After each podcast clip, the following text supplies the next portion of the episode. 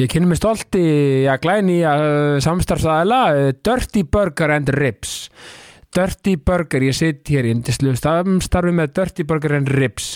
Sko, já, að, fa að fara á Dirty Burger and Ribs, þetta er svona þetta er svona svo að koma í sko, þetta er svona svo að fara í sko, já komast inn í eitthvað svona eitthvað allsælu, þetta er bara svona þú veist, stemmingin, gleðin að finna sko hambúrgara lyktina þegar maður lappar þarna inn og staffið svo skemmtilegt og mikil, góður andi og mikil stemming og allir brosandi, bara gaman engi vandamál, bara lausnir. Sko, sko það, mitt go to á Dirty Burger Ribs, það er náttúrulega gráðastaborgarinn, sko, ég já, sko hambúrgari fekk aðra meiningu hjá mér og aðra, bara annað, aðra vitt eftir að ég getist gráðastaborgarnum á, á Dirty Burger and Ribs, þetta er bara já, þetta er, þetta er sko ef ég geti bara hambúrgara hvernig einsta degi þá myndi ég borða þennan hambúrgara, gráðastaborgarna og Dirty Burger and Ribs, sko þeir eru á, á Miklubröð uh, 101 þess að beinta mútið kringlunni uh, það er það, það er náttúrulega snitt bara að taka með sér bílinn og, og hérna bara taka take away og skella sér yfir ykkur góði sjóarpinu og, og fá sér hambúrgar á með því ribs og, og vangi og aðra græður svo náttúrulega er þetta að fara í stemmingunni Östustræti 10 nýri miðbæ, þá náttúrulega getur maður sko farið og hérna já, bara sest niður inn í, inn í hérna, já inn í, inn í þetta einstaka og skemmtilega rými sem eru með nýri miðbæ og bara noti þess að, já, vera nýri nýri miðbæ Reykjavíkur og borða já, bara, þú veist, hambúrgara upp á 10,5 sko rips og, vangi og með því sko. Þannig að hérna, svo er þetta að kíkja yfir og horfa á eitt leik ef, ef, eftir þess kemur og, og allt allt hægt að gera. Þannig að já, ég er ótrúlega stoltur að vera með Dirty Burger rips og já, allir að kíkja þangað og fá já, mata og heimsmæli hvaða Ég sitt hér í indisluðu samstarfi með Session Kraftbar Session Kraftbar, Session, Session, Session. Algjör snildar uh, staður fyrir, já, bara hvað sem er. Það er svo mikil vinátta, virðing kærleikur og gleði á Session Kraftbar uh, bankastrætti 14 önnur hæð. Uh, sko það er sama hvað, maður vil gripa í að spil, borðspil rýfa í Playstation pinnan, Playstation 5 og já, fá sér óhafenga 0,0% drikki eins og fyrir mig, ég er hlaupari. Þannig að mér finnst ekkert betur en að já, enda gott hlaup á Session Kraftbar og fá mér einn indislega 0,0% og já, hérna hlaða batterinn og þetta er bara sko veist, bara stemmingin og, og gleðin og sko maður fer þetta er svona, þetta er upplifun þetta er heldar upplifun að fara á sessjón kraftbar þetta er svona, þú veist, í gleði hamingja, uh, ást og kærleikur. Það er runni bara og, og sko sessjón kraftbar uh, passar mjög mikið við, já, mín uh, já, mitt svona slókan ef svo má að orði komast, uh, sem er ást og friður þannig að allir að, að kíkja og gera sér glaðan dag á, á sessjón Kraftbar, bankastrætti 14 önnur hæð. Gæstu dagsins er Anna Jóna Dungal. Anna Jóna er uh, góð vinkonum mín, við vorum saman í Bekk í grunnskóla í Östubæðaskóla og er hún algjör snillingur. Uh, hún er að vera í tónlistabrassanum heilengi, bjóði Berlín var, var þar að stjórna viðbörðum tónleikum og vinna með tónlistafólki hún er með sitt eigi fyrirtæki sem er OK Agency uh, er, er í umbóðsmennsku Uh, og uh, hefur verið að vinna í Sony í Æsland, uh, er að vinna í, hjá Senu núna í dag í alls konar hlutum tengdum, tengdum músik og hefur haldra fyrirlestra og er að gera alls konar frábæra hluti í tónlistabrassunum og bara í lífinu. Anna Jóna er gjörsanlega frábær og var indist þetta spella við hana. Anna Jóna Dungal, gjör svo vel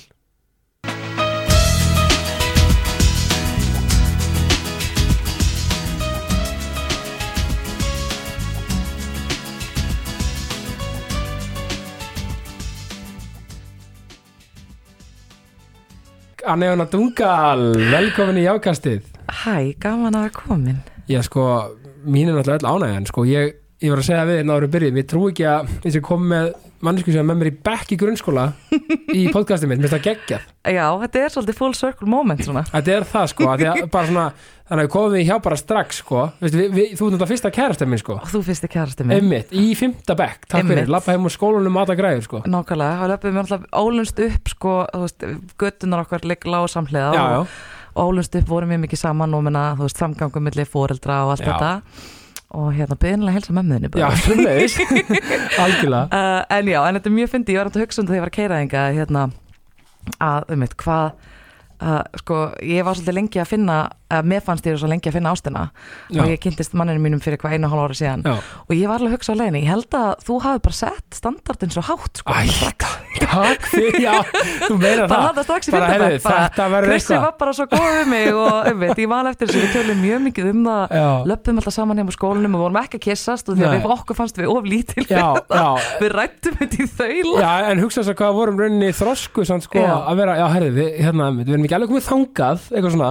Æ, þetta En er við erum svo mjög til að vera kærast var og senda, senda SMS í hérna Nokia 40, síman 10, Já, þetta var svo geggja líka, þú veist, talandi um þetta líka, bekkurinn var svo samheldinn við vorum náttúrulega ótrúlega heppi með grunnskóla Já, sem er Östubæðaskóli já, og vorum sko ótrúlega heppi með bekk og árgang. Einmitt. Og það var rosa lítið ruggla okkar árgang og Já. árgangi og ég kom alltaf, ég var í Ís- Ísaskóla kom svo inn aðna í fjórðabekk og það var strax komin og svona held þar en þetta var einhvern veginn, þetta var rosa mikið sama fólki allan tíman og maður Einmitt. einhvern veginn það var rosa góður einhvern veginn samhugur og fólk var einhvern veginn, það var, var ekki mikið eitthvað stríðni eða leðindi eða svo Nei, það var allt sko, ég man, þú veist, það var einmitt, það var aldrei, maður lendi aldrei ykkur svona, þú veist, það var aldrei eitthvað svona, eitthvað svona óbúrslega mikið samtölum um þetta og heitir, við vorum óbúrslega, þetta var rosa þroska fannst mér á svona Mm. góður kjarni uh, og við vorum, þú veist, ég veit ekki, þetta var, það er ekki hægt að, þetta er svona svo gott íþróttalið sko, Mm, það er ekki hægt að lýsa, það var bara eitthvað momentum sem var með okkur. Nákvæmlega, og líka gaman þú veist að maður hugsa, tilbaka hvert fólki hefur farið úr þessum, við vorum hvað alveg 32 og einhverjum tíma í þessum bæk Já, þegar var sem mest, já. Og hérna og þú veist hvað það er veist, alls konar fólk að gera alls konar hluti. Það, veist, þetta var, var svona skemmtilegt hvað einhvern veginn, þú er mitt svona einhver fótboltastrákur gast alveg verið að hanga með einhverjum gafra listagæjum og- Algjörlega, já, já, það var einhvern veginn engin, sko, það fengur bara allir að vera eins og þeir voru sko. Náka, þetta er nefnilega punkturinn. Það voru allir eins og það voru. Við vorum öll einhvern veginn sko, einmitt, ég, og, og Fít og Fittim mínu bestu vinnum, við vorum svona einu strákarnir essast, já, allan að strákurinn sem vorum í svona, svona að fullu í svona einmitt svona í bolta íþrótt Já, en þið tóku því bara fagnandi. Já, alveg. Þó svo þú veist að það var ekkit það var kannski ekkit mikil áhugi hjá en það var bara, vá, flott hjá ykkur. Bara, að þú veist, að maður leiði aldrei eitthvað illa í einn skinni. Já, einmitt. Og þetta er eitthvað sem fólk að taka sér til fyrirmynda Já. bara allstaðar, sko. Ég held sko, en ég hef eitthvað svona rætt þetta eins við pappa og kannski er það bara svona eitthvað uh, í, þú veist, þegar horfið tilbaka. En, en hann segir líka sko að hann heldur að stór hluta af þessu sé það var rosalega aktíft uh, fóreldrafélag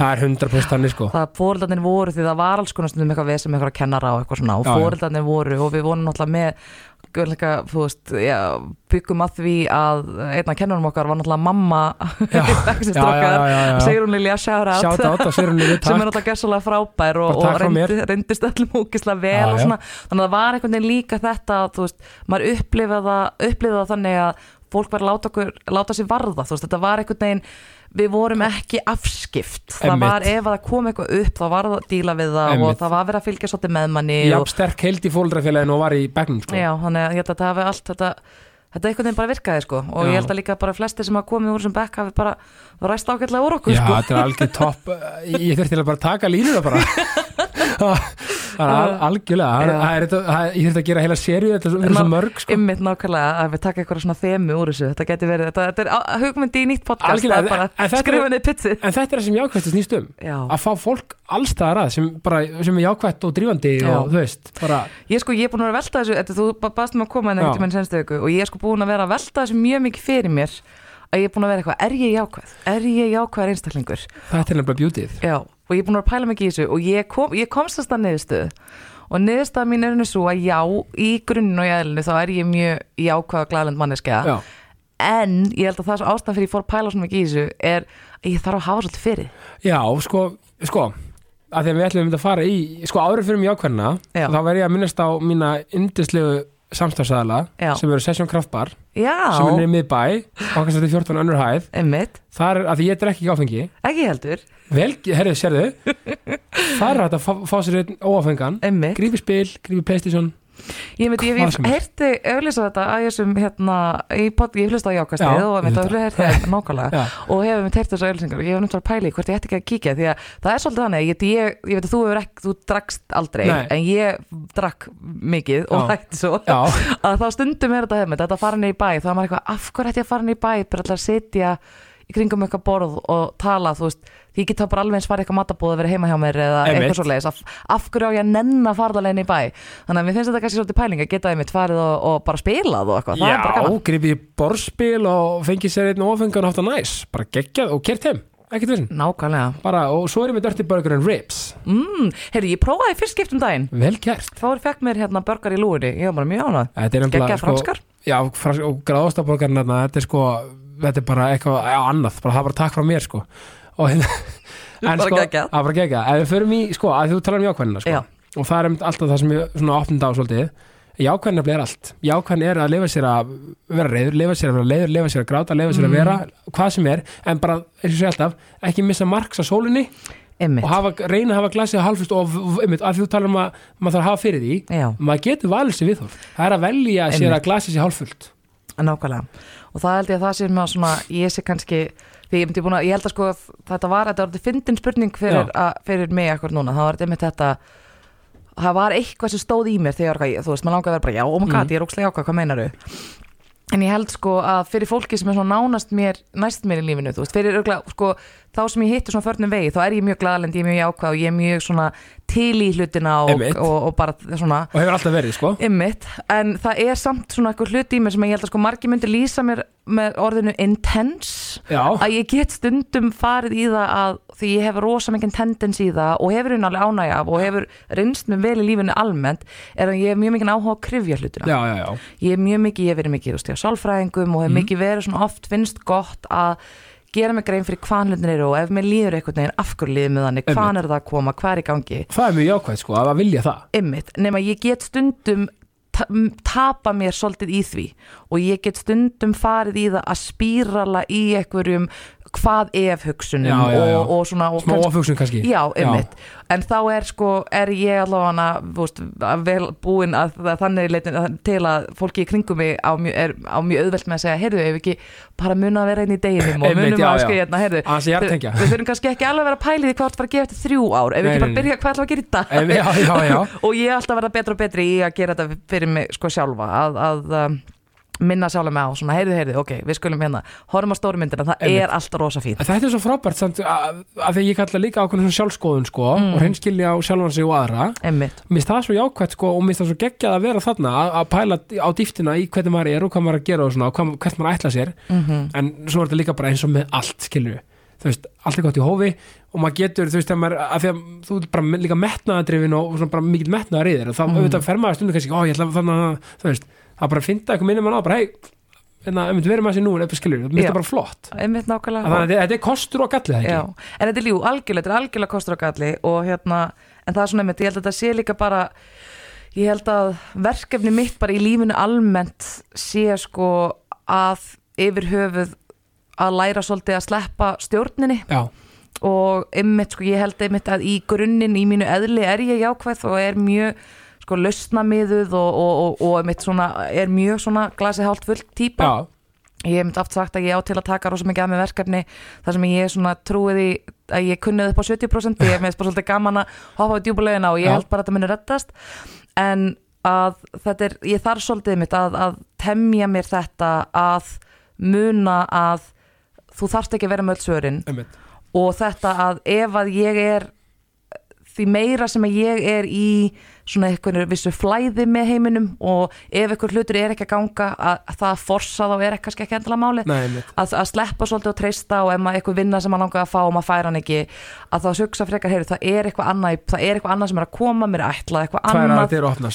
Já. að hugsa að vera alltaf í þessu og því meira sem að ég er í þessari hugsun því meira sem ég er í því að hugsa hvað ég get gert best úr deginum í dag hvernig ég get bara mætt sem mitt besta sjálf Já, og ekki vera svo mikið að velta fyrir mér hvað ef einhverjum mun mögulega hugsa þetta og hvað ef þeim líkar ekki vel við mig og hvað ef, þú vera alltaf í þessu. Kann eitthvað dómarinn alltaf sem kemur upp manni. Nákvæmlega, Já, að því meira sem ég er í bara, heyrðu, ég ætla bara að trúa því að þetta verða allt í lagi og vera kannski að spyrja ómengra spurninga, Já. þá gengur allt ógæðslega vel hjá mér. Einmitt, og þetta er bara val að að vera þarna megin en þetta er æfing, þetta er rosa æfing. 100% og, veist, og það er minn punktur líka þú veist, að þeir sem þú veist, að ég er að núti og hugsa vá, ég er bara ekkert jákvæður. Þú veist, þú getur raunverulega að tað með þetta sko.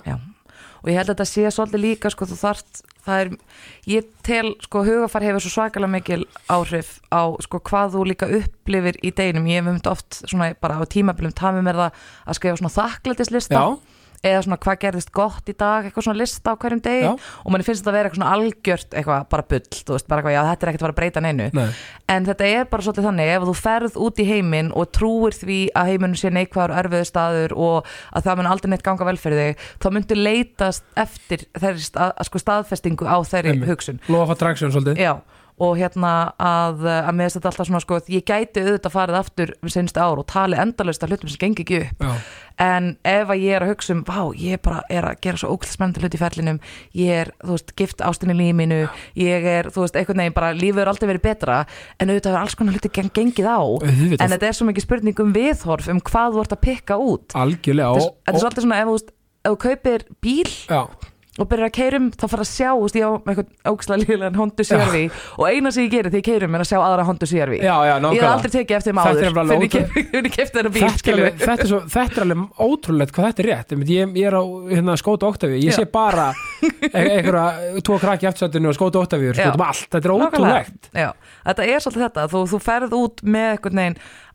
og ert að fókusa á okkur að vissa hluti og þetta bara breytir svo miklu. Emmitt, og, og, og að mér finnst gaman á að reyka nefnir þetta sko með að þetta er vegferð sko, Já. að þú talar um bara lífslupu og þetta allt saman sko. Og það er líka, þú veist, það má breytast það má, þú veist, ef maður hefur verið neikvæður það má bara ákveða þetta, hefði, já, ég ætla bara að breyta við það, Já, það bara að vera ekki neikvæður. Og, og það má líka vera vera þakkláttu fyrir vegferðina, skilur við, þakkláttu fyrir ve- vegferðina sem maður að því að, þú veist, já, allt móta mann, þú veist, það er líka svolítið hvernig maður lítur á það eftir á, sko. Einmitt, þú veist, ef nákvæmlega maður er eitthvað svona, ó, ég er ósáttum með þetta hvað, hverju, bara, hei, come on, þú veist þú bara, bara lærir eitthvað á þessu. Nákvæmlega, þú veist, nákvæmlega. bara reynsla. Mér finnst það líka með mjög gott, mamma mín er tafið með þetta mjög oft, mjög mikið sko í gennum lífið að þegar maður lendir í ykkur sem maður skilur ekki já, að segja, ok, hvað er, eh, þú veist, ef maður hugsa um, ég, ég er alltaf svona mjög, ég skipt um skoðan daglega hvort ég trúa eitthvað svona, eitthvað æðra afl og hvern, já, já. hvernig það er. og hvað En er þessu, já, einmitt, en það er svolítið, ég tala alltaf rosa bara um alheiminn og ég er svona, hvað er alheiminn að reyna að kenna mér þetta? einmitt, Að þá er þetta frekar heldur en eitthvað, ég er aumingi, ég af hverju lendi í þessu, þá, hvað á ég að læra þessu? Hvað er, hver, hver er leksían hérna? að að stundum er svo alheimur sé bara, eins og það sé bara eitthvað Hollywood handrit skilur, það er ótrúlegt hvað stundum bara hlutir eiga einhvern veginn að gerast, eins og sé handrit og skrifað. En ég er samanlega með þetta, ma ma maður er svo svolítið torn á milli svona, veist, ég, ég leiði mér að trúa sko á hérna eitthvað aðra, Já, hvað það er veit ég ekki. Einmitt, En við við, eina sem ég veit, við erum orkur hérna í þessum heimi, Mhm. bara einhverja verur í einhverjum algeimi sem engin veit af hverju til, þú veist, af hverju við erum til, hvernig það verður, þú veist, af hverju það borð hérna, veist, hvað, hvað er þetta, einmitt, En þá er nú aldrei gott að reyna að njóta þess, að vera hérna. Að, nákvæmlega. þú veist, eins og Rikki veist það, sko, það er svona 9000 trillerir á móti einum á sért yfir höfu til, let's just fucking enjoy it, skiljum við, þú veist, Alveg algjörlega, 100% ekki það, þú veist, með öllum þeim dölum sem verða, ég er ekki að segja að maður er bara að vera að hvernig einsta dag bara upp á bara eins, eða skilur en þú veist þú veist, reynur svona að hafa svolítið líka húmor bara uppi við, fyrir okkur Einmitt. sjálfum eins og þú segir hérna bara eitthvað svona þú veist, stundum when it rains it pours skilur, þú veist, og bara höfum svolítið húmor fyrir okkur sjálfum og öðrum, svona engi sem það þetta fyrir ekki, vistir ekki, Nákvæmlega. Þú veist. Já, nei, algjörlega, ég held að þetta sé líka sko að, einmitt, allt þetta að þetta er einmitt, fyrir mér er þetta sko svolítið að sleppa og treysta, kemur alltaf, Já. það er alltaf rótin hjá mér sko, það er einmitt þetta að ég þarf ekki að skilja allt. Einmitt, ég þarf ekki að vita allt. Ég þarf ekki, ég þarf bara að vita þú veist, er kaffi í bollanum mínum gott? Já, og þú veist, elska ég manni minn og er hundru minn ógsta sætur, þú veist, Já. það er kannski og, og stundum að muna þetta og, og þetta er eitthvað sem ég hef alveg fundið ég flutti heim, sérst ég bjó í Berlín í Já. sjö ár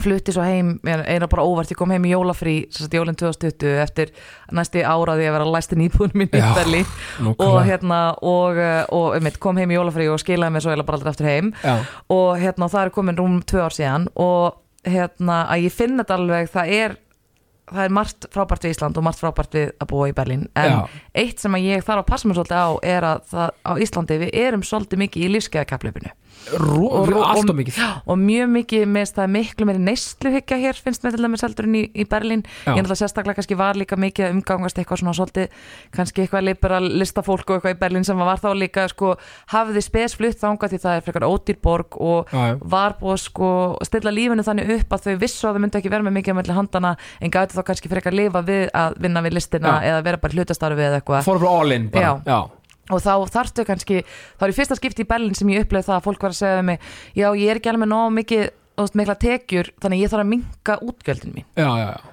það er ekki, á Íslandi hefði alltaf verið ég er að vinna meira, ég er að fara launahækkun, Já. ég er að gera meira Einmitt. heldur bara já, ég bara er hérna að fatta að ég er að eða mikið, ég er með eitthvað hérna, eitthvað plani og símanum mínum sín og aldrei og Einmitt. svo er ég bara eitthvað að losa mig við alls konar hluti og svo er ég með eitthvað útgjöld sem ég þarf ekkert og ég ætla bara að prófa að borða ekki kjöt í eitt mánuð og Einmitt. eitthvað svona að, þú veist, að þetta svona þessi eh, það, já, þessi hugsun að, að líka bara finna þá ánægjana kannski í því hverstaslega sko. Einmitt. Að vera ekki alltaf, það er við eigum það svolítið til Íslendingar að við viljum alltaf vera einhvern veginn, það er starra og betra og uppfæra og, og verðum að vera nákvæmlega mann ég var þetta að koma heim í frí og þá er mitt, þú veist, eiginlega allir vinnirnir í tveimur vinnum og svo var þetta sko spurningin um að eiga flotta íbúð. Og þetta að vera með allt rétt úr epal inn í Já. henni og svo þetta að eiga eitthvað tvo bíla og svo helst að eignast fullt af börnum en samt að hafa tíma til að vera rektina og fara Einmitt. í sushi og hvítum með vinkonunum og svo var að fara til Tenerife tvisar ári. Einmitt, og, og, og er alltaf þetta sko, alltaf þetta. Einmitt, maður er bara, með, bara oföndun að, heyra þetta. Að, þú veist, einmitt, þetta er svona bara alltaf bara er ekki, er ekki bara brjála að gera það er brjála að gera sko, Mm, við bara vinnum og þarna og þetta áhuga maður, eins og segir. Og, og, og, þetta er sagt eins og þetta sé ókvæslega bara svona holdt og gott sko, sem það eiginlega er ekki sko, að vera, veist, þetta er svo, svo gott eins og veist, Óli Stefi hjá mér í daginn. Og nú tala um hvað börn eru skemmtilega svona, þú veist, hvað maður fullóndir er að að læra börnum heldur en við að, heldur en þau á okkur oft sko, þau eru bara í mómentinu í leik bara eitthvað aðskiljur og hann segi, hei, sleppum námskefinu frá 46 einu sinni og leikum bara börnum okkar eða leikum við hundur, eða sko whatever. Já. skilur þú veist, bara, erum svolítið í mómentinu við veist, við erum bara, Já. æ, veist þetta, sleppum þú veist, þessu eitthvað óþarfa námskeiðum Já. þetta og hitt maður sá þetta mjög mikið í Berlín þá er sko fólk vinnur oft bara til svona þrjú, fjögur Já. er börn, kannski mætir það með dagins fyrir vinnuna já, og svo sækir þið alltaf rosalega mikið ert alltaf bara í þínu hverfi, þú Já, kannski já. vinnur býrð og er í leikskóla eða skóla, bara allt einhvern veginn, þú já, getur bara alltaf lappa á milli já, já. já, já, og þá sá maður það sko að leikvellir í Berlín, það er mjög mikið að leikvellum mjög Já. stórum og flottum leikvellum að þeir fylltust alltaf af fólki börnum og fjóruldrum, millir svona fjóru og sex það var bara á leiðinu heim á skólan og bara stoppa já, og það var bara eitthvað verið í garðinum eða verið að leika og það var kannski spjalla við hennar fóruldrana og það var bara veginn, það var ekki eitthvað svona eitthvað skipulöð stund, það var bara, bara- veginn að- að leika og vera já einmitt. og einmitt, en, en svo, mér er svo góða punktur að því að mér finnst alltaf lítið tala um þetta sko, hvað, hvað þetta litla land okkar er svona einmitt svona sko, það er alltaf að vera karrierdrifin það er bara, þú veist, skilur og bara, bara you do you, bara Mhm. gera það sem þú vilt, en, en við meðum ekki sko, oft vera þannig að bara fólk gjöstina bara brennur út og er bara alveg bara, þú veist, að því einmitt eitthvað tilbúin samfélagslegu lífstandard sem er ekkert þú veist, sem er bara ekkert. Eða skilur, þetta er bara, þetta er bara eitthvað sem þú ákveður í sjálf, já, ég verða að uh, tjekki þessi box. Einmitt, ég til dæmis kaus það að ég bý í svona 28 fermetra litlum sumabústað svona rétt fyrir utan bæinn, Mhm. ekki svona langt frá Háravatni já, og ég veit alveg, það er alveg nokkur vinni mínu sem elskar mig rosa mikið, sem finnst ég í alvörinu vera snar geðvik já, það er bara, býr, þetta er eitt herbergi og baðherbergi, þú býr þarna með manniðinum og hundinum og þú vinnur ofta heiman, hvað mein og ég hef bara, ég stopnaði fyrirtækið í flutti hérna heim, Já. það er vera tvö ár síðan Já. og ég vissi bara ég þyrfti að minka útgjöldin eins og ég gæti og ég var bara ótrúlega heppin að fá að leia þarna þennan sumabústað fjölskyldumæðlim og hérna fyrir bara sangjata upphæð og, uh, og það hefur bara verið rosalega hjálp fyrir mig. Að ég þarf ekki að vera að hugsa um einhverja hundra áskalla á mánuði sem ég er bara eitthvað bara í leigu og hef, þú veist, jú, menna stundum snjóum við inni og stundum eitthvað hefur hérna Já, og já. eitthvað. Uh, og ég, þú veist, get búið tveimur heim í einu og eitthvað svona, en bara sem COVID. Já, mitt, nákvæmlega, Já, já. en þú veist, þetta er líka, en það er aftur á móti rosalega mikið, frelsi við þetta, því já, að já. ég get ekki keift mér alls konar drast, það er ekki pláss fyrir það Nei, nei, ég meina, það er bara svo gott held ég, þegar maður losnar úr viðjum þess að þurfa alltaf að, að hérna, vera ver eitthvað að sína sig og vera eitthvað og ég held að þetta sé þroskamál líka. Við erum náttúrulega auðvitað sem úlingar og svona byrja maður rosa mikið að þú tekur svolítið Meðvitaður. upp og, þú ert svolítið mikið að vilja ekki vera öðruvísi og þú ert svolítið mikið alltaf að reyna að falla inn í hópin og svo held ég, eða vona ég allavega að með hverju árinu verði maður einhvern veginn þá er, verður einhvern veginn aðeins auðveldara að búa í einskinni og maður geti svolítið verið bara, heyrðu, það er bara alls konar fyrir alla og það virkar ekkert allt. Þú, veist, það, þú verður bara að finna eitthvað sem virkar fyrir þig. Einmitt. Því ef ég var ymmit í einhverju, hérna, einhverju húsnæði sem að ég var að borga hvort það var sko, keiftið að lega þar sem ég var að borga skilja eitthvað marg hundruð þúsund á mánuði og væri eitthvað slegastundi því þar sem ég væri með eitthvað tvö gestaherbergi af því mér finnst ég eiga að búa í 100 fermetrum eða þú veist, Já. 150 eða whatever þú veist, þetta er náttúrulega, þá myndi mér ekkert líða vel en ég, og ég veit að fullt af vinið mínum myndi líka ekkert líða vel að vera eitthvað staðar hérna að klófa snjóin eitthvað staðar upp í sveit en mér finnst það geggjað, mér finnst geðveikt að, að vera að vakna og horfa á esuna hverju mótni. Einmitt, við, erum bara við sjálf. Hæ, hættum, ég, segi bara, burt með þess enda þessu skömm, sko, Já. það meina þessu skömm að þurfa að vera eitthvað sem, sem þú heldur að annar vilja á sért, sko, að því að sko það er oft þannig, maður heirt það sko, þú veist, alls konar rannsóknir það sem fólk er á mögulega dánabeðinu, bara gaf fólk sko, Mhm.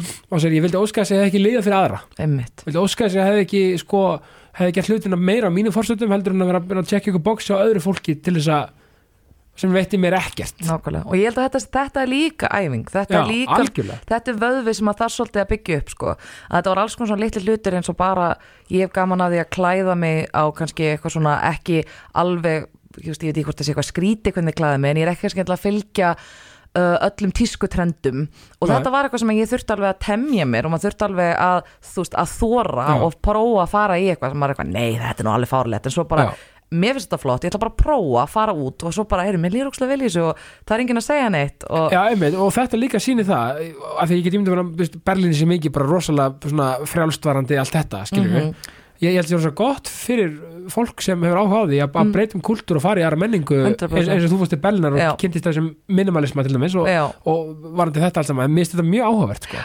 Og svo verði ég líka að segja að ég tók það ákvörðun að hætta að drekka áfengi fyrir rúmum tveimur og hálfu ári Já, og það hefur líka gefið mér rosa mikið sjálfströst í að vera bara ég ok, að sko já. út af því að ég held að ég, ég mað, það var einhvern veginn bara svolítið það er svona samþygt að taka þátt í lífinu þannig að þú, þú veist, djama, djamar og drekkur og tekur þátt í eitthvað svona vissum bara uh, hvað maður segja, rituálum í samfélaginu. Já, og svo fullu hann, ég veit ekki Já, hvað að gera. einmitt nákvæmlega, veist, þetta er bara, þetta er bara viss lífstíl og minna, ég það er fullt af fólki sem að, og ég hefði mjög gaman að djama og lengur Já, djama oft, sko, já. og fullt af fólki sem að þetta fer vel í þau, en þetta er einhvern veginn, þessi ákvörn mín sem að var alveg, þú veist, það er bara besta ákvörn sem ég teki, held ég, að bara láta þetta, þú veist, hætta, Já, að þá, þú þarft svolítið þá að þóra að vera í rýmum og við taka þátt en ekki alveg taka þátt. Absolutt. Og ég var skítrætt við þetta. Var, þetta var eitthvað sem að ég, ég var rosalega stressuð við því hvernig get ég farið í eitthvað partí eða okkur bar og ég er bara ekki að drekka. Einmitt. og mann alltaf auðvitað heldur alltaf að veist þetta er svona óryggið, það heldur alltaf að allir sé eitthvað pæli manni sjálfur, menn auðvitað er það aldrei þannig það, fólk er bara hugsa um sinn eigin óryggi, óryggi en uh, að þetta, þetta hefur svolítið sko, þetta gefur mér, þetta er svona auðvitað sko, mörg þrep í þessum stegar, en þetta hefur gefið mér oft þetta að fá einhvern veginn að finna það að ég get 100% tekið þátt ég meina, ég verið alveg verið dansandi upp á borðum á röngen til tvö um nótt, veist, bara að drekka klúbmati uh, ég renni því kannski ekki hver einstu helgi. Nei, nei, nei, nei, nei. en þú veist, að, að ég get tekið þátt á okkur hátt sem að lætu mér líða vel. Svo sammálaðir og því að ég var, þetta var komið þannig á mér að mér drikja fór ekki vel í mig og ég var oft, þú veist, bara líkamlega fór mjög illa í mig og var oft fór mjög langt nýr í skapinu og alls Já. konar eitthvað svona. Og það að ég geti, þú veist, að ég þurfi ekki að segja annarkvort eða, þú veist, annarkvort þarf ég bara að hætta að vera ung og hafa gaman og fara ekki út að skemmta mér og ég er bara að hætta að mæta í partí og hætta að mæta tónleika. Uh-huh. þá er það svona, nei, veistu, ég get gert þetta upp á mínar fórsendur Já, og það hefur gefið mér svona meira sjálfstöðust heldur en ég held að ég hef gert mig grein fyrir áður fyrr Einmitt. að segja, heyrðu, allar aðstæður, ég get að lappa í hvaða aðstæður sem er og hugsa, hvernig get ég gert þetta og tekið þátt án þess að svíkja sjálf mig Já, mér finnst það svo gott við hann og líka bara hugur ekki líka að þú veist, við taka þetta að skrifa þóra, þú veist, e- e- eins og segir, margir sem bara geta drukkið vel og bara flott, frábært og eins og þótt ég hef aldrei drukkið ekkert á móti áfengi, mér finnst það bara bara þú veist, aftur, jú, jú, skilur við bara Nákvæmlega. höndlar það bara flott en mér svo geggjaði með þetta, með ef maður líður ekki vel með það, ef maður er ekki ánæður og bara, nei, þetta er ekki rétt fyrir mig, bara hætta. Af því að það er svo auðvelt að hætta ekki. Einmitt, nákvæmlega, já. Og þetta er svona sem ég er einu svona almennt held ég svolítið á, veist, viðhorfi í lífinu að sko og hefur held ég orðið til þessi eins og ég er mjög hamingsum í dag að leifa óvissunni ekki að hræða mig of mikið því ég held að það sem fólk gerir alltaf oft er að það festist í óhaminginu sem það þekkir Já. því það er hrætt við óvissuna Já. það segir, þú veist, er í sambandi sem að það er óhamingsamt í því að það segir, ægum, þú veist, ég hef allavega, ég veit hvað ég hef hér Já, ef ég hætti í þessu sambandi og fer út þá veit ég ekkert hvað býður mín einmitt og þarna held ég og þurfir ég mitt að vera svolítið jákvæður Nákvæmlega. þú verður að valda trú á að hlutinni minni gangu upp Já. og þetta er eitthvað sem ég gerði mig grein fyrir og ég veit ekki hvort að þetta sé eitthvað Íslands þetta reddast attitúd en ég fatt að þetta oft er ég var mitt líka bara oft í sko, eitthvað svona viðskipta svona hugmyndum með, með fólki því ég bjó úti og ég átti vini allstaðar á heiminum og sérstaklega bara, bara svona pan-evroskan vinahóp og, hérna, og þá fann ég þetta mjög oft sko að líka í þýsku samfélagi þá er svolítið þetta attitút stundum hver heldur þú sért já, já, já. ekki leifa þér að dreyma ofstórt Einmitt. Því að hver heldur þú að þú sért að þú hafði bara allt ganga upp fyrir þig og það var mjög áhugavert að fatta þetta og þetta var mjög að benda á þetta af mörgum vinnum mínum að segja þú ert með einhverja svona bara óbylandi trú á því að þú eigir skilið að allt gangi upp Já. og þetta verði allt í lægi og það er einhvern veginn, ég, og, og ég gerði mig kannski ekki alveg grein fyrir þessu fyrir en að ég fóri mitt í mikið samstarfi. Og þá var ég einhvern veginn alltaf eitthvað, já, að veit ekki, ég hef bara ekkert að makla ágjörða þessu, ég held að þetta myndi Einmitt, bara reddast einhvern veginn, við, mun, við höfum fundið upp út úr öllu hinga til, ég held að við munum finna út úr í en framtíðinni sér þetta kemur bara náttúrulega. Þú veist, þetta, þetta, Já. Mhm. þetta er bara þú skilur þú ert bara, og þetta er bara þú veist sko, ég myndi ekki myndi flokka þetta sem eitthvað þetta reddast þetta típiska attjút ísl, íslensk, íslenska sko, þetta er bara svona þú veist, þú ert bara með hlutin á reynu skilur ef þú, þú ætla, ætlaðir eitthvað x og bara þetta er leiðin Einmitt. og svo líka ef það klikkar það bara klikkar það, ok, áfram gakk skilur næsta mál Já, og þá, þá er þetta líka held ég, þetta attitút sko því að ég hef gert alveg ótrúlega fjölbreytta hluti, ég er sérst vinn að mestu leiti í tónlistabransanum Já. en hef farið út um allt í því Einmitt. og það er líka oft þetta í staðin fyrir sem ég held að fólk gerir líka mjög oft er að þú veist, eins og ef ég myndi segja morgun bara já, heyrðu, ég ætla að verða, ég ætla að reka plötufyrirtæki og ég ætla að vera CEO og reistur plötufyrirtæki Já. og svo sit ég bara heima í fílu og það er enginn að bjóða mig vinnuna að vera CEO og plötufyrirtæki Akkurat, að þá ef ég freka verið eitthvað, heyrðu, taktu því tækifæri sem er fyrir fram að þig. Já, og það leiði þig kannski eitthvað mjög skrítna leið. Já, en þú veist aldrei, kannski endar svo eftir 20 ár, bara óvart sem, þú veist, að þú sér tíu já. okkur og þá ertu bara búa til vegferð og djöfisins grænd, af því að allt einhvern veginn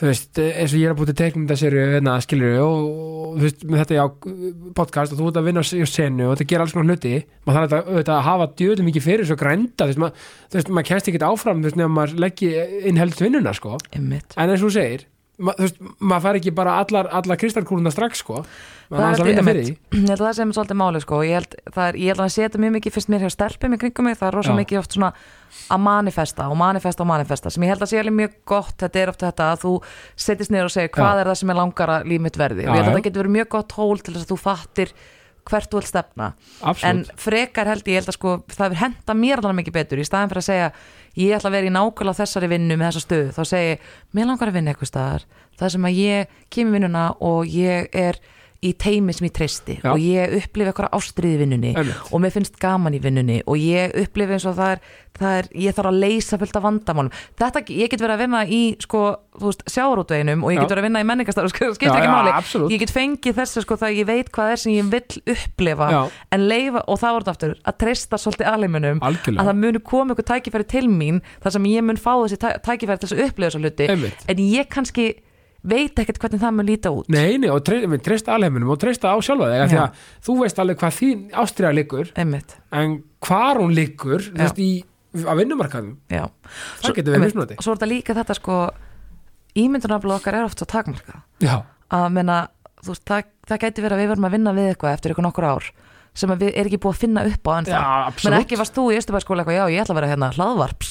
Skilur, það voru ekki til Nei, var ekki til einmitt. þannig að sko líka muna þetta að vera eitthvað, heyrðu, ef að við erum, erum einblýna of mikið á og við vitum nákvæmlega hvernig lífið á að vera og við Einmitt. ætlum að gera þetta og við ætlum að gera hitt og þetta að vera svolítið eitthvað, heyrðu, bara ég hef kannski ekki endilega, bara ég, ég sé ekki stóru myndina Einmitt. ég veit ekkert hvað er í gangi menna þegar ég var hérna eitthvað rosa leiði við því að ég var ekki búin að finna ástina að þá sko ég hoksa tilbaka þá er eitthvað já það var náttúrulega, já maður minn þurfti náttúrulega að hætta í þessu sambandi Já. til þess að þetta gerðist Já, og svo þurfti hann að ferðast til þess að koma til Ísland til þess að það eru stundum kannski núna er einhverjir, einhverjir risastóri viðbyrðir Já. í gangi út í heimi, einhverjir atbyrðir í gangi út í heimi sem við vitum ekkert af, sem mun hafa áhrif á okkur í Butterfly effect maður, wow þetta er rosa, þetta er alveg, þetta er speki þetta, nei þetta er alveg rétt og veist, einmitt, og þarna líka við, tölum ástriðu og, og, og allt þetta.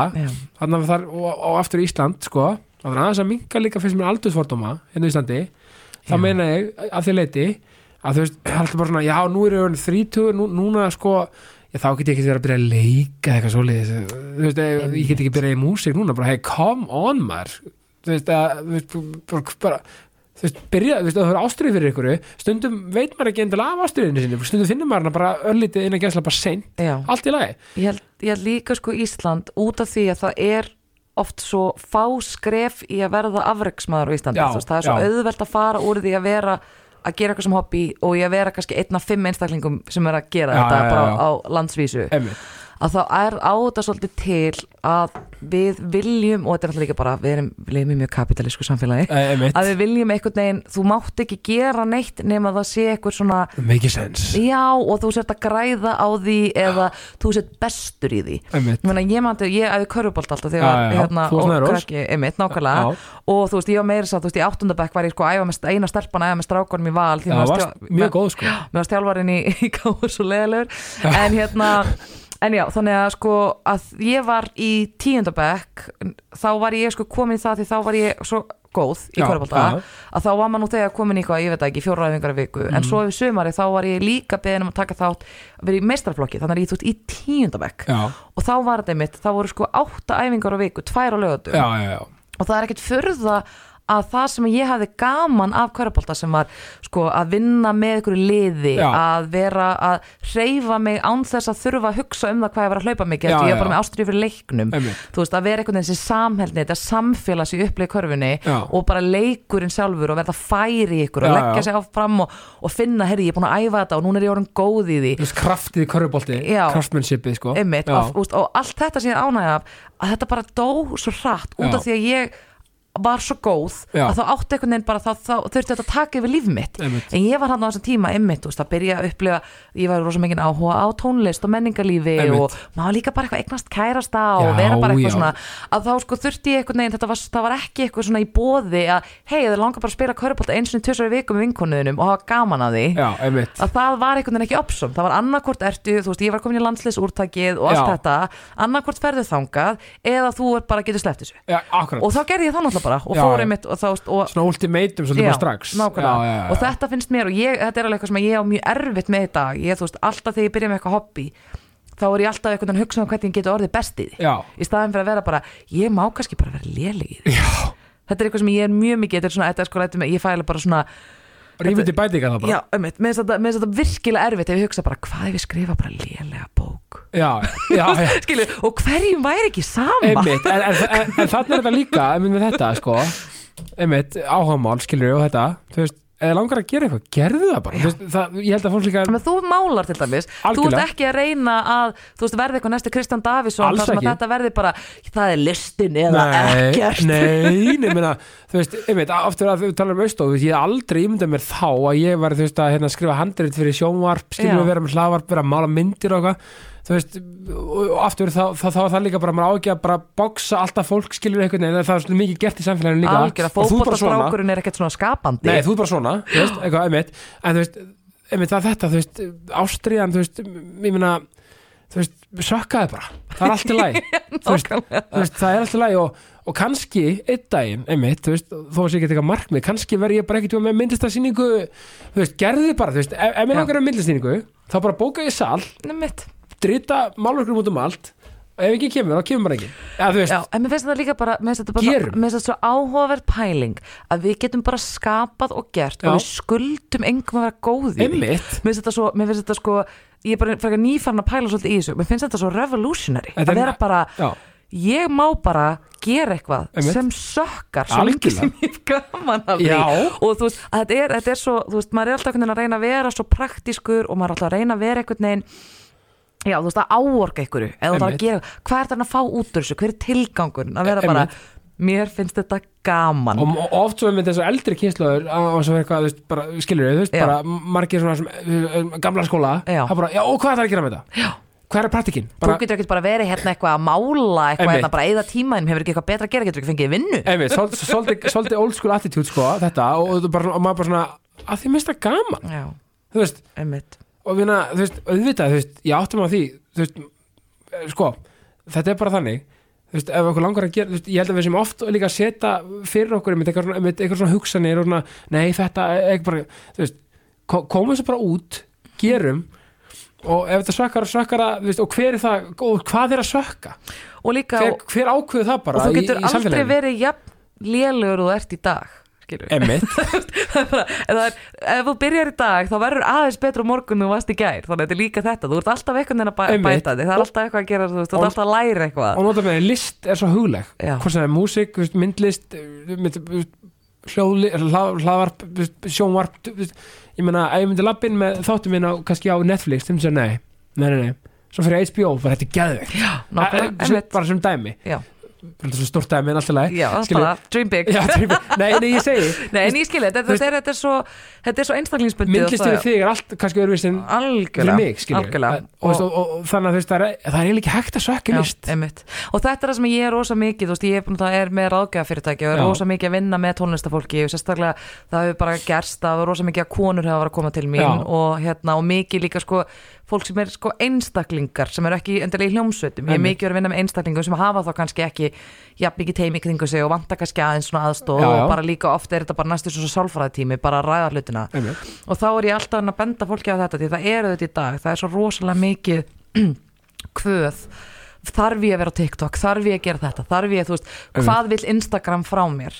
Og þá er þetta alltaf þetta sko en að minna fólk á bara þú veist, fegurðin við interneti í dag Já. og sérstaklega sem tónlistamæður þá getur í rauninni fundið þinn að hlust hlustanahóp hvar sem er, hann er til. Algjörlega. Það er bara að það verður eftir hvort, hvernig tónlist þú gerir hvort hann sé stóra eða lítill en þú getur öllin getur fundið hann.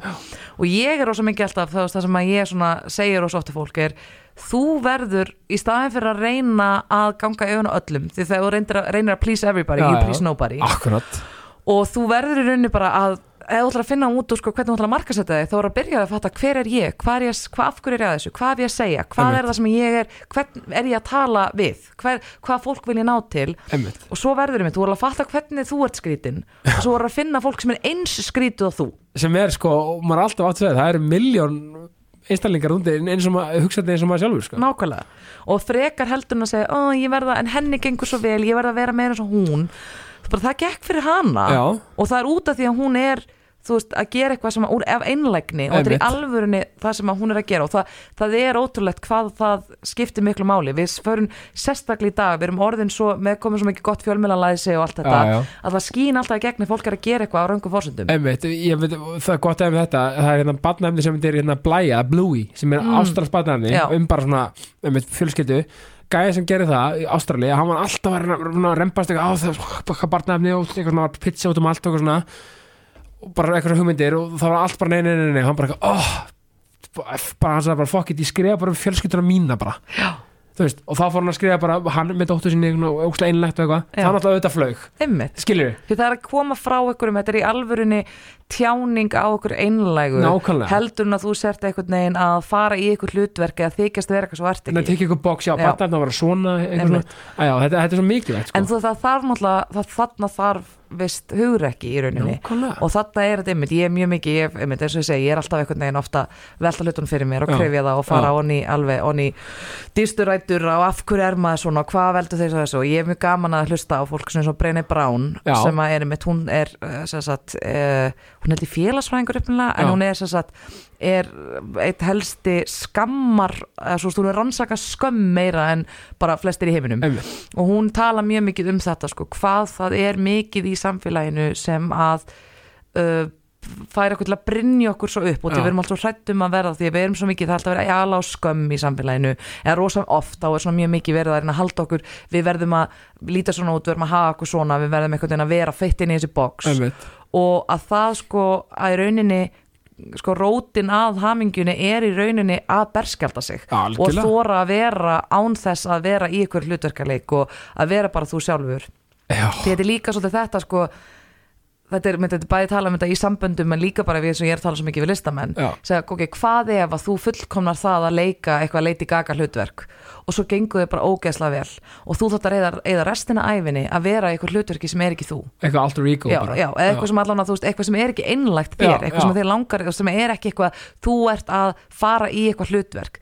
Þú munt aldrei vera hamingjusamur þannig, alveg eins og þegar við fólk er að tala um þetta þú veist, eða að fólk sem að berskjálta sig ekki segir, já, menna fjölskyldum minn elskar mig ekkert í alvörunni því að ef þið myndi vita ef ég myndi sína um hverju ég er í alvörunni það myndi þau ekki elska mig, þannig að þó að fólk upplifi ástastuðning, þá segir nei, nei, nei, nei, nei, út af því að ég er að halda þessum hlutum að, þessum hliðum að mér einhvern veginn, ég er að fela þessar hliðar á mér Einmitt. það myndi aldrei neitt elska mig. Þá getur þú sannfært sjálfað um það. Og þar með er loksins þessari klísju fake it till you make it, hún er felt hér, hér með, takk, við erum bara einlæg. Nákvæmlega. svo, og, og líka þetta einhvern veginn sko, ég hef líka kostað því bara líka í þeirri vinnu sem ég er, því að rosalega oft er maður einhvern veginn að það er ekkert handrit, maður er bara svolítið að finna út á hlutunum og það eru ný tækni og nýtt þetta og nýtt og maður er einhvern veginn að vera skapandi og gera eitthvað spennandi Já. þá er þetta ofta rosa gott að vera bara, heyrðu ef við ekki bara öll að vera saman um það að við vitum ekki raskat hvað við erum að gera en við skulum bara byrja þar og já, gerir bara hættum þessu leikri til lífstil sem að, já, veit, þetta er svo rétt sko, bara, við, við veit fólk er alltaf, með, það, er, það er alltaf að vera að þykja svona, eitthvað fundum að svona, jakkafundum með eitthvað svona bara, já, svo bara, við, við veitum ekkert hvað er í gangi sko, en það er bara alltaf hlutverk þetta lífið er bara eitt stór leikþáttur sko. Nákvæmlega. Þú veist, við erum svolítið, og, og sko, talandi um fyrirlegin sko, með, með, þetta þetta er svo áhverð ég vissi strax uh, svona, um- ja, í nýna tíndabæk mm. þá varstu byrjað að fara Airways þú varst byrjað að fara Ég fekk, ég, í gegnum eitthvað sko, þetta er alltaf kólólulegt, ég var að tala um þetta hérna í á exinu hjá honum ómanum daginn, Já. ég fór að, fekk, þetta er fint í dag. Já, nákvæmlega, ég fekk, hérna, fekk presspassa á Airwaves, Já. sko, hausti í tíundabæk og ég var mjög fullanslega og þarna var þetta bara, ég fekk arband og svona presspassa. Já, já, og já, þá var þetta bara eitthvað sem hekk svona um, hérna, hálsunamanni og þá var ég aldrei beðum skiliki nei, mitt og ég náttúrulega hef alltaf verið frekar góð í að vera bara um svolítið sjálfströst og ég lappaði bara einu eins og ég ætti heima hana Einmitt. og það gekk og þetta alltaf bara kveikti kveikti, sko, kveikti á einhverju ástriði þarna að fá að sjá allt þetta baksvið og fá að vera hluti af þessu þessari geðviki Já, mér paldi, og hugsaður, þú veist, ef þú er ekki gett þetta butterfly effect þá er, þú veist, mögulega, þú veist, hugsaður hvað er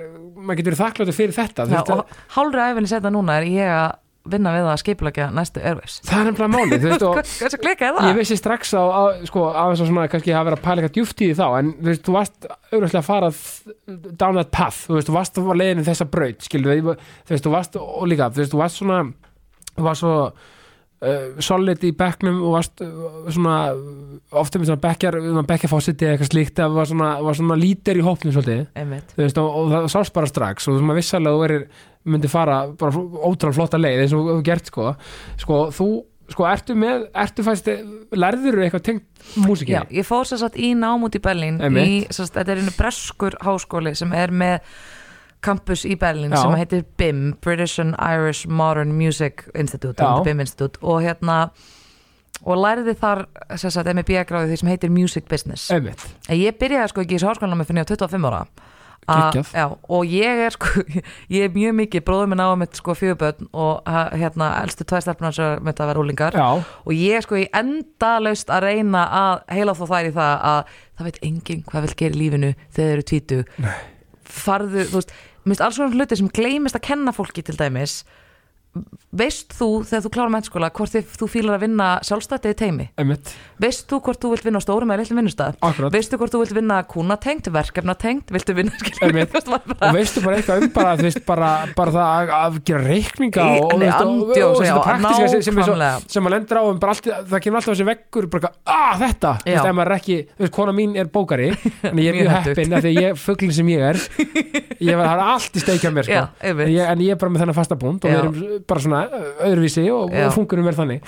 En, en, en þú veist það er svo margt bara sem maður hugsa bara, bara sem maður bara lendir á einhverjum veggjum eða eitthvað, bara akkur ekki allan að byrja aðeins að svona sá fræjunum. Nákvæmlega, einmitt. Þannig að ég sko, ég held ekki, ég byrja, ég byrja, ég tók eina önn í, í háskólanum Já, um, hérna, ég nefnilega sko, einmitt ég hái þá það Já, nei, sko, ég byrja, ég var svona að djamma svolítið mikið í mennskóla Já, og fjall í latínu, hérna í MR og neita að taka árað aftur, þannig að ég skipti úr í MH já, og útskæðast ári á eftir. Já.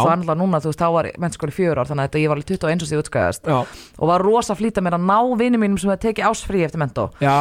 var alveg 21 og því útskæðast Já, og var rosa að flýta mér að ná vinum mínum sem hefði tekið ásfrí eftir mentó já, já þannig að já, ég fór eitthvað beint, fór í listfræði í háskólanum því að þá var ég með eitthvað rosa hugmyndir um það að ég gæti orðið eitthvað fyrirlesari eða eitthvað svona meðast eitthvað, eitthvað pælinga Já.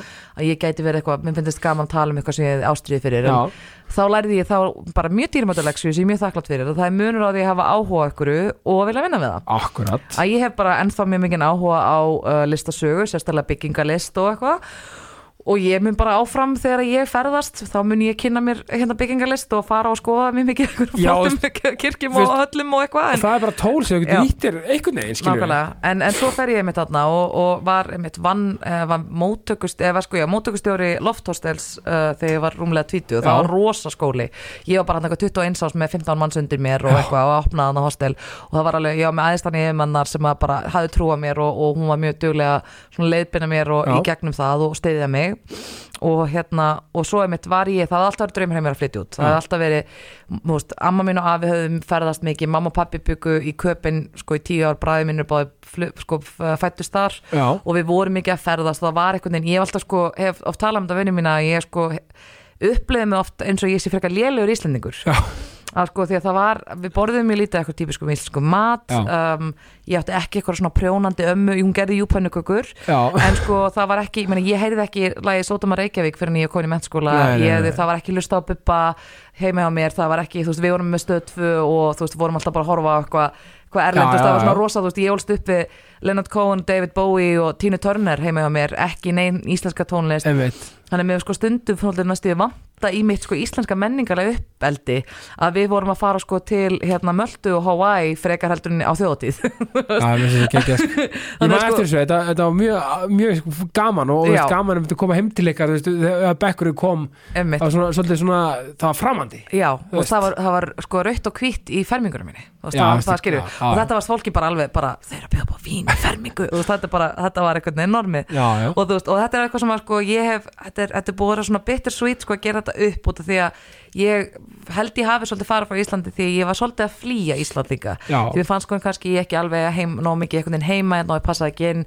Fannst ég, mér fannst ég vera einhvern veginn of hávær og of skoðana mikil og of hitt og þetta sem heldur líka bara margar unga konur upplifa. Já, já, já, um, en sko að þetta er búið svona áhugavert að sko að gera upp þetta hvað ég er rosalega mikill íslendingur en svo samt finnst mér ekki kannski alveg passa inn í þetta ymmit, þetta svona þorran á þjóðinni. Nei, einmitt. Um, en þarna fann, fannst mér samt mjög gott að Ég er alveg þar með þér, sko. Já, einmitt, þú veist að maður er einhvern veginn ekki alveg þú veist, í einhvern veginn ekki alveg að fatta allt. Nei. en þá er þetta einmitt þetta, ég þarf kannski endilega að vera búa okkur á landi. Ég get kannski bara búið hér Já, og ekki alveg tekið þátt í öllu og það, það sem ég er að reyna að finna út Það er bara sko. geggjað. nákvæmlega. Þú veist, þú veist, það þurfi ekki allir að vera, þú veist að fara til tenni, sko, við, við getum alveg farið gana líka, Einmitt, Á- og ekki, ég er ekki gælt fyrir tenni. Nei, ég- tenni er mjög næst sko, en ég segja, þetta er, bara, þetta er þetta að bara leifa sér æmitt að, að að vera ekki í þessar svartkvötu hugsun. Það er Já. annarkvort eða. Að vera bara, heyrðu, ok, hvernig get ég og núna menna ég er maður minn frá bandaríkjunum Já, að hvernig getum við gert það að búa á Íslandi og hvernig getum og ég ég pæla í og enn og aftur krifja og pæla og hugsa. Og þá er ekki ok, þá eru bara kannski vissu hluti sem að ég þarf, sem að kannski þú veist, sem að ég hef áhuga á að hafa í mínu lífi. Já, og þá er eitt af því að eiga mikið af vinum sem eru ekki íslendingar. Og það er bara að hjálpa mér rosa mikið í að lef, upplifa mig eins og ég sé happy hérna á Íslandi sko. ég finnst það bara geggjað og ég meina, og ferillin er bara þú veist, við náttúrulega bara rauninni lest mjög mikið til þín taka í Berlín, ég veist með hlaðvarp um músík, þú veist, þú veist þú veist, ég, var eh, mitt, ég var hann að ég var, sko þetta nám er þryggjára B-gráða Já. og ég valdi það svolítið, sko þetta heitir bara music business Já, en ég já. valdi það svolítið því að þetta var bæði mjög sko verklegt nám, ég Já. er líka bara einmitt, að mann alltaf læra hvað hann sála sig ég er kannski ekki, þó svo ég sem er forvitin manneski og Já. með frólegsfús þá er ég kannski ekki neitt ótrúlega góða námsmaður nei, ég bara svona já. í svona, í, í pákakalardum eitthvað slíkt, sko. já, ég, er bara, já. ég hef kannski, ég er meiri svona ástriðu típa, ég Já. fíla ég veit smá um mjög mikið og ég fíla svona, ég fæ svona æði fyrir ykkur og langar að lesa mér rosa mikið til um það og Já, svona já. horfa okkar heimildamindur og that's it, ég er kannski ekki fara að fara ykkur að gráðu í því, akkurat, en þarna var þetta ná mjög verklegt og ég var, þetta er í rauninni svona þverfaglegt. Þetta er mjög mikið viðbyrastjórnun þetta var mikið markasetning og í rauninni bara svona verkefnastjórnun. Já. og þetta var í rauninni konseptið alltaf var hvernig tekur þú skapandi hugmynd og gerir hann svolítið business modeli, eða þannig. Já, og þannig ég fekk þarna rosa mikla reynslu og ég vissi það svolítið þegar ég fór undan nám þú veist, ég vissi það, ok, ég ætla að gefa mér þessi þrjú ár. Og ég saði svolítið við sjálf mig, ég ætla að gefa mér þessi þrjú ár þú veist, taka með námslánin, allt þetta. Já. og þegar ég lappa hérna út, ef ég er ekki komið með eitthvað ferli tónlistafransanum þá get ég nýtt þetta í að fara í eitthvað svona meira, eitthvað, þú veist, eitthvað, eitthvað önnur störf sem að eru svipuð, hvort ég geti farið meira út í ferðamannabransan eða whatever.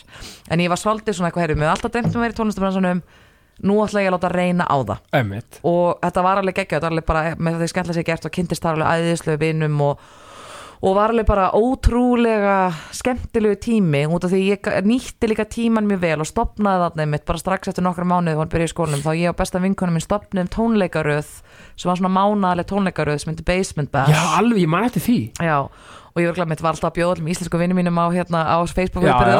Já, ég meina, En maður veit- var í Berlín. Nákvæmlega, en það var þetta mitt, þá var pælingin var svolítið svo að sko, að við fannst allir nefndunir í skólanum alltaf vera sko að spila fyrir hvern annan.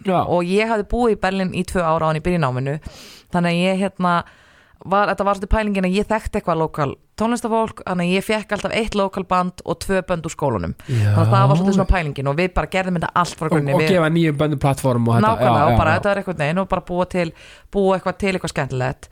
Og ég hef eitthvað neginn bara þetta er eitthvað, þú veist, alveg, sem veist ógeðslega gaman að halda skemmtilegt matabóð að ég fæ eitthvað rosalega mikið út úr því að skapa vettvang þar sem fólk getur átt í einhverju átt einhverja ánægilega upplifun Já. sérstaklega ef það er að tengjast öðru fólki eða tengjast tónlist, einhverja menningar upplifun að eiga einhverja upplifun sem að er eitthvað sérstatt fyrir þau Einmitt. og ég fæ alveg svona, þetta, mér finnst þetta alveg þetta, ma- þetta er eitthvað svona vist kick sem að maður fær úr Já, þessu. þetta er bara endur skilur, Já. þetta er bara algjörlega en það ertu líka góðið í skilu og það er svo gaman þegar það gengur vel og maður er að gera eitthvað sem maður elskar mm.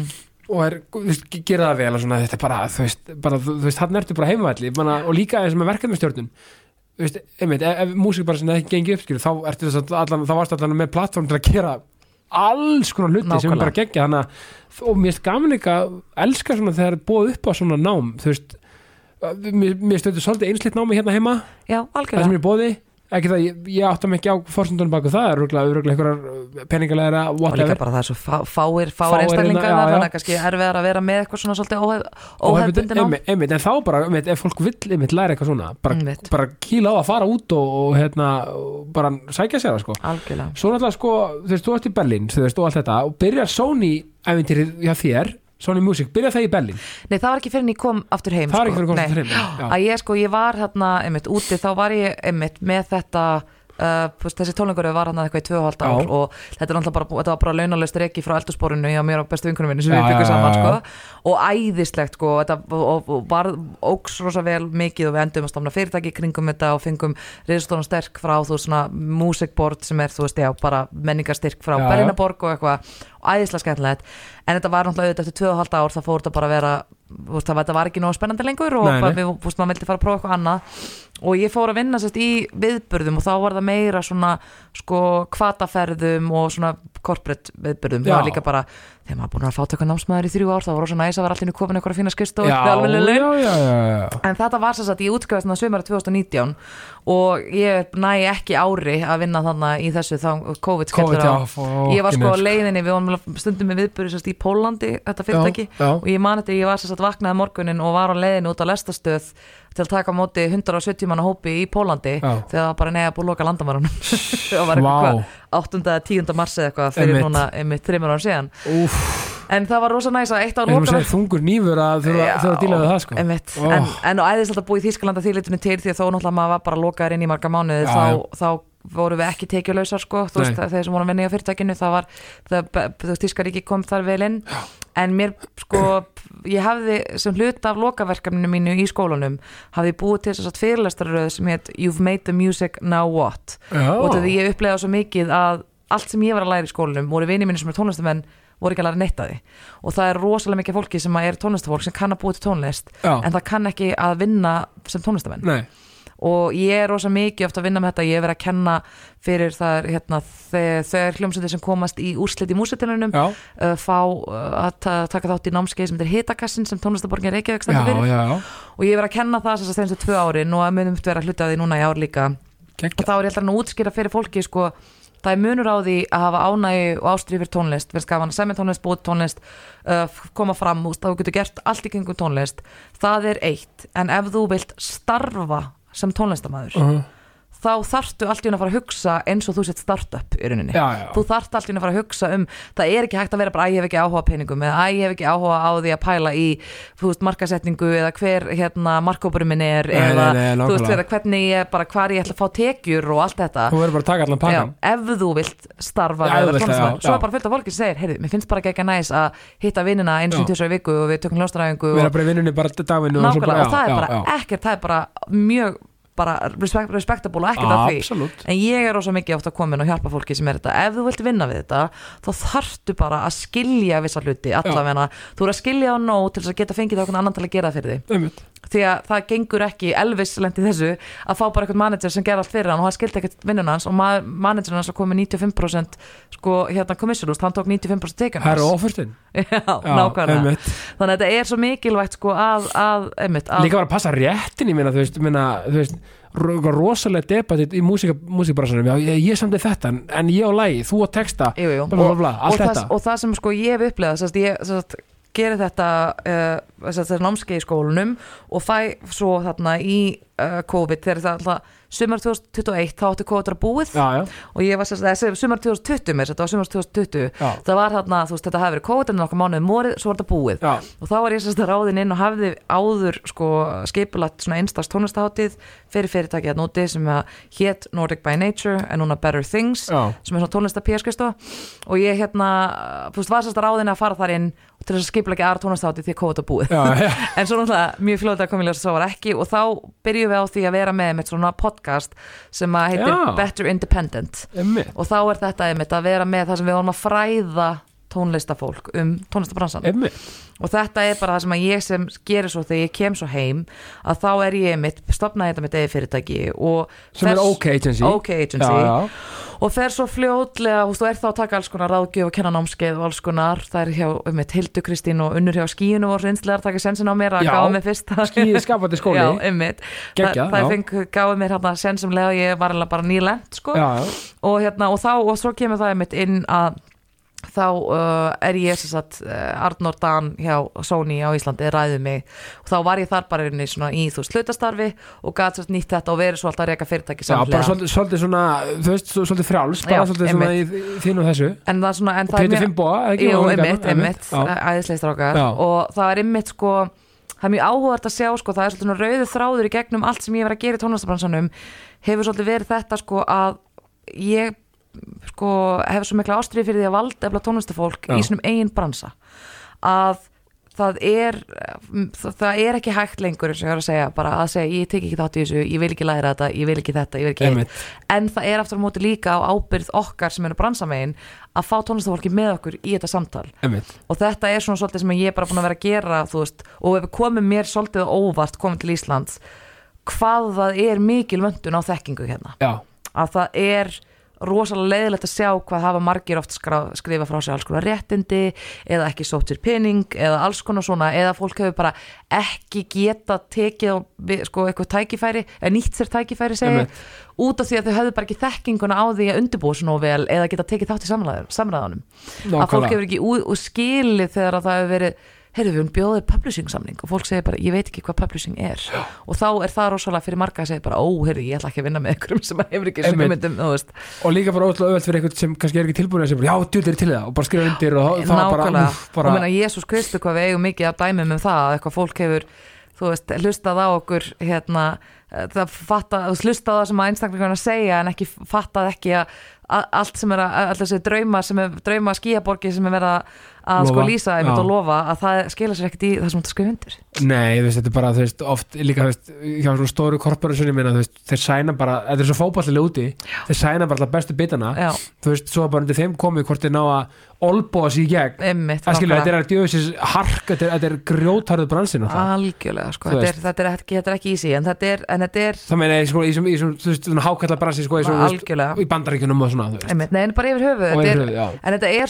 þetta er, þess vegna til mig finnst mér einstaklega mikilvægt fyrir sérstaklega skapandi fólk, eins og við erum búin að tala um, já, að þau fatti að leið til þess að gera þetta á okkur eigin sannfæringu Einmitt. og sé, þau finna að leið þar sem þau geta gert þetta af einlægni þó þau séu svolítið að leika leikin einmitt, en finna leið, alveg eins og ég er búin að tala um Já, þetta, hvernig getur tekið þátt án þess að bara vera svartkvít ég verð annarkvort svona Já. eða ég hætti. Einmitt, að segja, heyrðu, ok, ég get gert þetta hvar get ég mögulega verið með tekjur?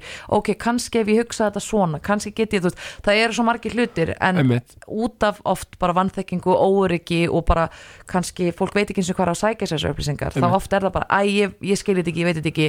Og þá kemur upp eitthvað óryggi fólk er erfitt með að spyrja kannski spurninga Maður er þegar bara ha- já. hrættum að líta út eins og þau séu eitthvað vitlaus. Já, já, og þá, já, og svo sko, þá, og þá kannski flosna fólk frekar upp úr eitthvað, sko, að vinna við tónlist. Einmitt. Þegar það hefði kannski alla burði í það, það kannski Einmitt. bara vantaði að vita af nýjum tekjulegðum eða Já, það er líka bara svo gott að leita sér smá hjálpar og svona leita sér og það var bara við almennt í lífinu bara leita sér vitnesku, þú veist, að því að maður veit ekkert allt. Það er alltaf læg Já.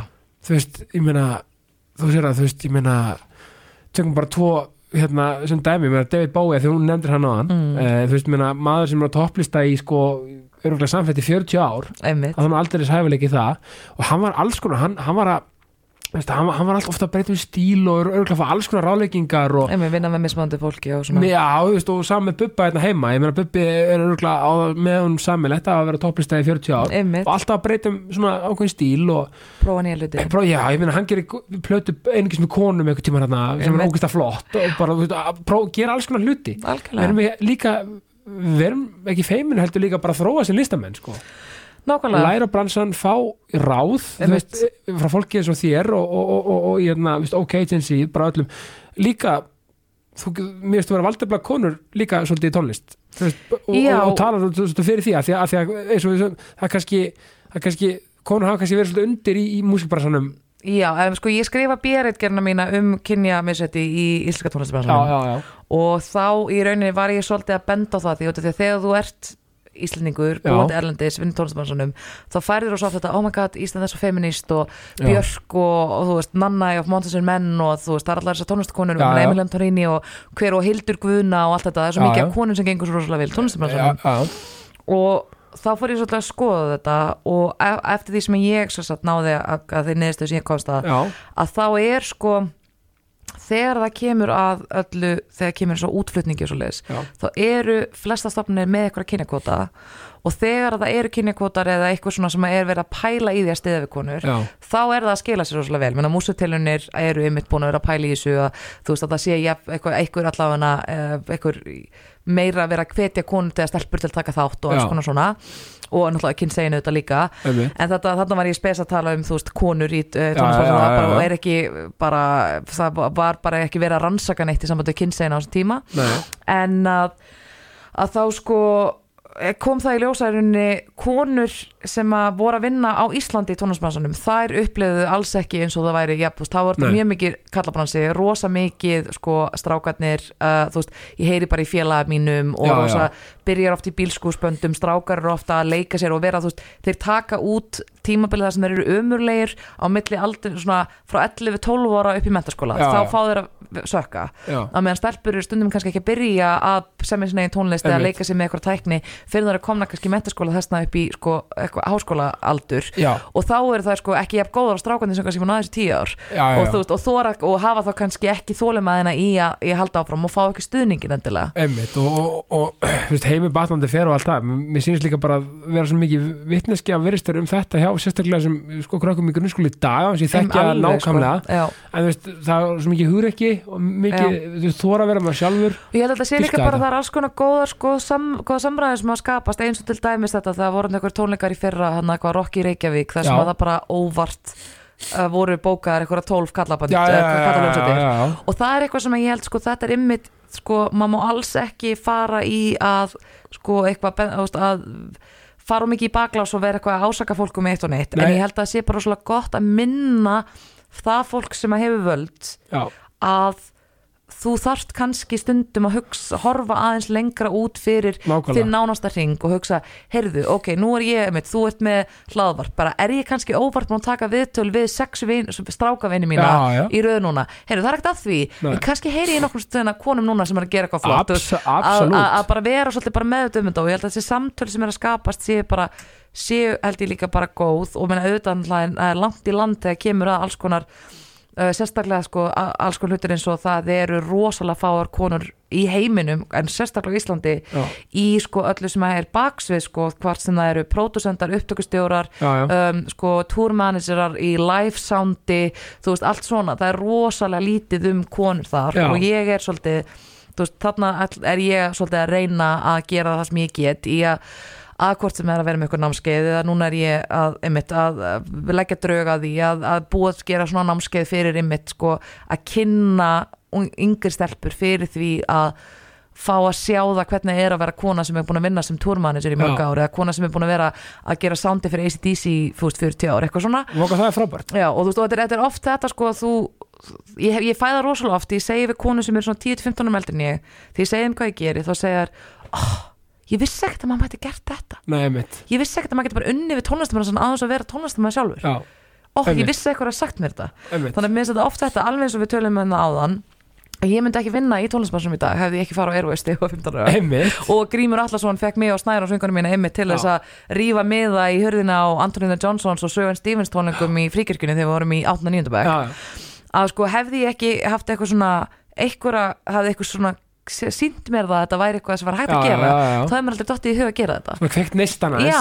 Og þetta er ekki spurningun um að væri að neyða einn en einn að gera neitt en þetta er bara svolítið þetta, bara af hverju er það þannig að það dettur engri stelpu í hug að verða sviðsmaður? Já, og sína bara á sanna, þetta er hægt þú Já. getur þetta, það er ekki veist, það er ein, eina fyrirstaðan er þú sjálf. Já, það þá sé að, að byrja að byrja, skilurðu, nákvæmlega. og, svo, og, og þó svo að sé mjög mikilvægt veist, ég held að sé mjög mikilvægt fyrir alla sem eru undir samfélaginu að Mm. fá tækifæri til þess að lýsa yfir hvernig þau upplifa hlutina og segja, heyru, ég upplifa þess að ég hef ekki jafn tækifæri. Og það var rétt á því.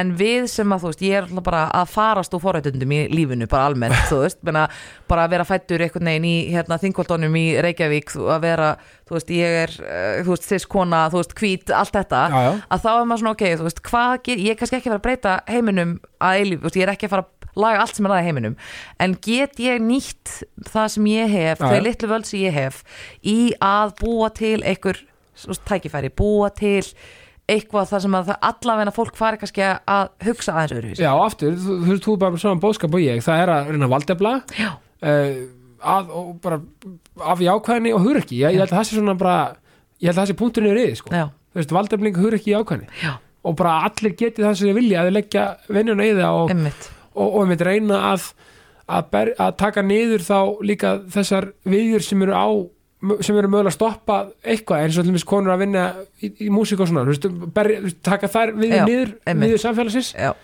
opna bara samtalið Já. aftur. Og það er svona, ég nenn alveg rosa mikið að vera leðilega gælan í þessu, þú veist, að skilju ég er rosa oft í herbyggjum eins og er bara endalist af kallmönnum og finnst ekkert að því, skilju og þeir eru flestir alveg skilja að vera þar ekki allir, en flestir. Já, já, já, já. og hérna, og þá finnst mér líka, finnst bara mjög gott oft að vera bara, hei, strákar, hafið þið pælt í því að ég er einn stelpa já, þú veist, og þá er þetta ofti með þetta, þetta er ekki það er ekki viljandi sem þetta hefur gerst svona. Nei, nei. þetta er bara, þeir eru ekki pæli í þessu veist, þetta er bara, út af því fólk er bara veginn, heyru, þetta er bara normið, þetta er bara hlutinir og það er bara stundum það maður bara nenn að vera smá eitthvað svona manneskjan sem er eitthvað, hei, hafið pælt í þessu? Og þá oft um leið og maður opna samræði þá segir, vá, hvað þetta er góða punktur. Og, og opnum samtalið, opnum nýja vittir og við erum umbyrðalind gagvart hvort öru ég held að það sé bara punkturinn sko. já, algjörlega. Anna, ég, þetta er geggjað hjá okkur ég er svo ánægð með þetta, ég er svo glæður að hafa fengið þig. Sko, nú, nú, er ég ákasti ég þarf, nú þarf ég bara að fá kvartningu í lokin til hlustenda. Já, pepp sko, mér finnst að það eiga það er engin ein leið til að gera hlutina. Finnst það að vera svo mikilvægt og það er allt einhvern veginn miklu betra ef þú hættir að fylgja einhverju handriti. Já, þú átt að ef þér finnst eitthvað eins og ég til dæmis hef upplætt með marga kallminnlíði mínu að þeim finnst þeir vera svolítið fastir í því ég get ekkert fara að gera þetta. Uh þú veist út af því að það er einhvern veginn eitthvað samfélagslegt sem er svolítið loka á og ég get ekkert bara farið að hætta í vinnunni og farið að vera eitthvað listamæður eða ég get ekki bara farið að byrja að fara í eitthvað jókatíma eitthvað já, svona. Já, já. Þú veist, þetta er mjög ekstrem dæmi en mér finnst bara, ég held að sé bara svona áhugavert að fólk fari svolítið í naflaskoðununa og segi hvað, hver eru mín gildi? Hvað er það sem skiptir mér í alvörunni máli? Og hvar get ég þú þarft ekki endilega hætti í vinnunni þú þarft ekki endilega að flytta til annars land þú þarft ekki endilega að sko gjörsanlega gjörbreyta öllu. En hvar getur þú kannski hliðrað hlutunum? Já. breytt þeim aðeins. Prófað eitthvað aðeins annað. Og kannski sko getur þú hvort sem er samskiptum þínu við fjölskylduna þína. Þú veist, finnst þér kannski hérna, ég til dæmis, fjölskylda mín, þeim finnst gaman að drekka áfengi sem er bara, þeim fullkomlega eðlilegt og aðeinslegt ég nenni ekkert alltaf að setja með þeim þegar þau eru komin á eitthvað bjór. Þú veist, þau séu skemmt sem mikið þá, ég byrjaði bara alltaf að stinga upp að hittast í kaffi eða í brönns þú veist, ég hef umgengis fjölskyldum minna alveg mikið, við fyrir frekar labbitúra, við hittast í kaffi fyrir mig skilju, þetta er alls svona svo leittir hlutir hvar getur þú hvar er eitthvað hluti sem þú ert ekki ná ánæði með? Og ekki hugsa, já, svona er þetta bara. Hlutin eru bara einmitt, hugsa bara eitthvað, heyrðu, ok, getum við kannski nálgast þetta á einhvern annan hátt? Get ég prófað að, einmitt, þetta er alltaf með að tala um að pivota, þú veist Já, að já, já. þú ert ekki gjössalega að breyta, þú ert bara aðeins að hliðra, nákvæmlega, Já, pivot. að þú ert að hliðra aðeins heldur en að þurfa að henda öllu út að sé allt ónýtt. Og ég held að þetta sé þetta. Og svo myndi ég segja að þú veist, þetta er hljóm, þið finnst þú vera ógislega astanlega og byrjar á þessu. En að gefa þér tíma á kvöldin án þú fara að sofa. Skrifa niður tíu hluti sem þú taklatu fyrir. Já, ég meina, þú veist, á gerði mánuð, lífið mun breytast. Ég lofa þér. Já, ég get bara tekið undir þetta. Sko, annað, þetta, þetta er búið að vera geggja hjá okkur. Ég, hérna, ég, þetta gæti ykkur betri logoðar, ég þakka þér bara að kella fyrir kominu takk fyrir að fá mig. Mín er öll ánæðan og ég segi bara ást og friður